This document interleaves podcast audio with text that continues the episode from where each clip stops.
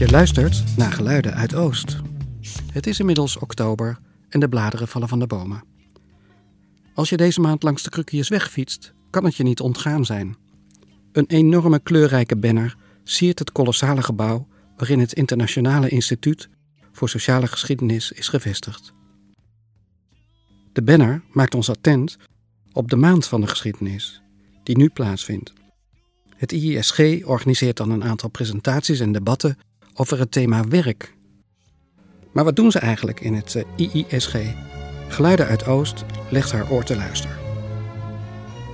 Ehm, ik ben uh, Gijs Kessler, senior onderzoeker aan het Internationaal Instituut voor Sociale Geschiedenis, het IISG, in, uh, in Amsterdam.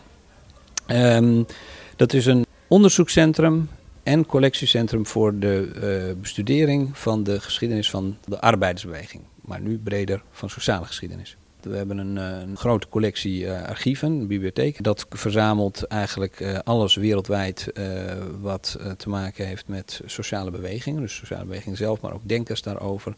Alles wat niet staatsgebonden organisaties zijn die zich inzetten voor een betere wereld. Daarnaast doet onze onderzoeksafdeling doet onderzoek naar de geschiedenis van arbeid en sociale ongelijkheid.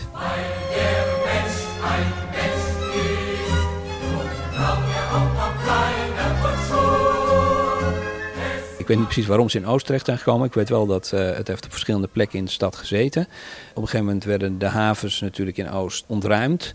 En daar bleef uh, een uh, prachtig pakhuis staan. En ik denk dat dat ze gelokt heeft. Want dat is natuurlijk een fantastische bewaarplek voor de enorme hoeveelheid aan documentatie en archieven die het ISG te, te bewaren heeft. Het zijn 21 kilometer archieven en anderhalf miljoen boeken. En daarnaast nog veel andere dingen, maar dat weet ik niet meer uit mijn hoofd. veel, nee het is veel. Het zijn vijf grote verdiepingen vol in dat hele pakhuis. We hebben een soort reputatie dat we gesloten zouden zijn. Nou kijk, we hebben dat, dat mooie pakhuis hebben we niet mee. Het ziet eruit op zijn best als een bunker. Uh, of erger. Maar uh, wij zijn een uh, publiek toegankelijke instelling waar iedereen die geïnteresseerd is in wat wij daar bewaren kan komen om dat te raadplegen en daarmee te werken en, en er onderzoek naar te doen of het gewoon voor zijn plezier te lezen. Dus iedereen die wil is welkom en kan komen. A working class hero is something to be. A working class hero is something to be.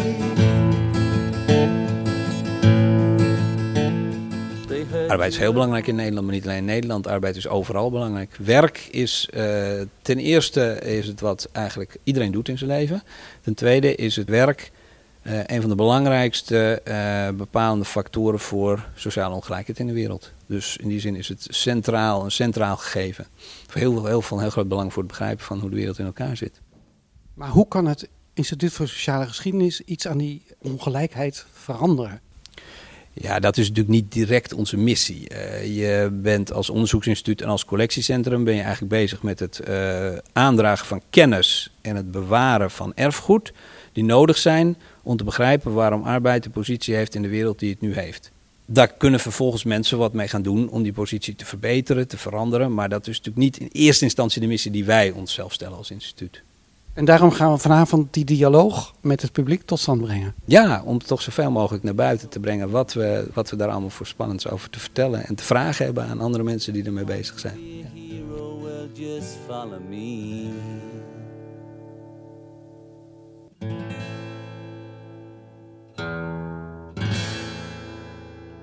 James Kennedy kwam een aantal jaren geleden uit Amerika over naar Nederland en werd hoogleraar in Utrecht. Speciaal voor de maand van de geschiedenis schreef hij een essay over arbeidsethos in Nederland.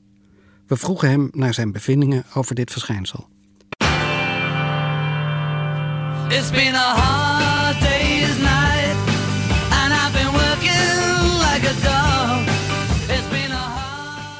Nou, ik kreeg de uitnodiging om essayist te zijn uh, voor Maand van de Geschiedenis dit jaar. En het thema was al vastgezet aan het werk. En kwam uh, bij arbeidsethos uh, uit. Uit wel, wat voor motivaties werken Nederlanders, hoe, hoe, hoeveel zin hebben ze in werk, hoe hard werken ze.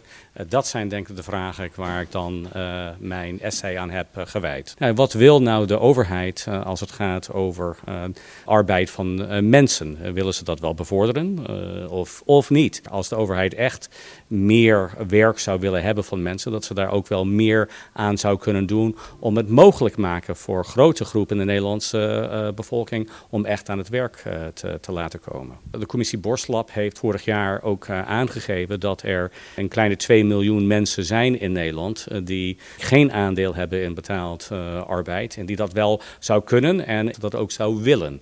Dus je ziet wel dat er de kansen voor veel mensen er niet is. Die klachten zie ik ook als historicus teruggaan naar de jaren 70. Hè, dus dat er wel een soort idee is van ja, als jij thuis werkeloos zit, dan ligt het eigenlijk vooral aan jezelf. Maar je moet er wel bij zeggen, is, dat heel veel mensen, omdat ze zo vaak ontmoedigd zijn geweest in het zoeken naar, uh, naar werk, en dat het echt ook wel in die zin ook helemaal niet goed is geweest voor hun eigen mogelijkheden.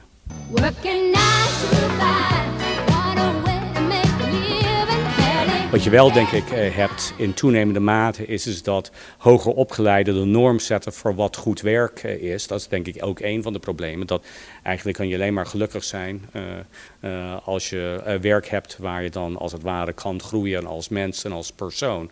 En er wordt dan ook wel te weinig gekeken naar het feit dat veel Nederlanders werk hebben die, dat, die zich daar niet voor ontleent. Verschil tussen arm en rijk groeit nog steeds. de belevingswereld van minder opgeleide en hoger opgeleide is ook wel steeds meer van elkaar te onderscheiden.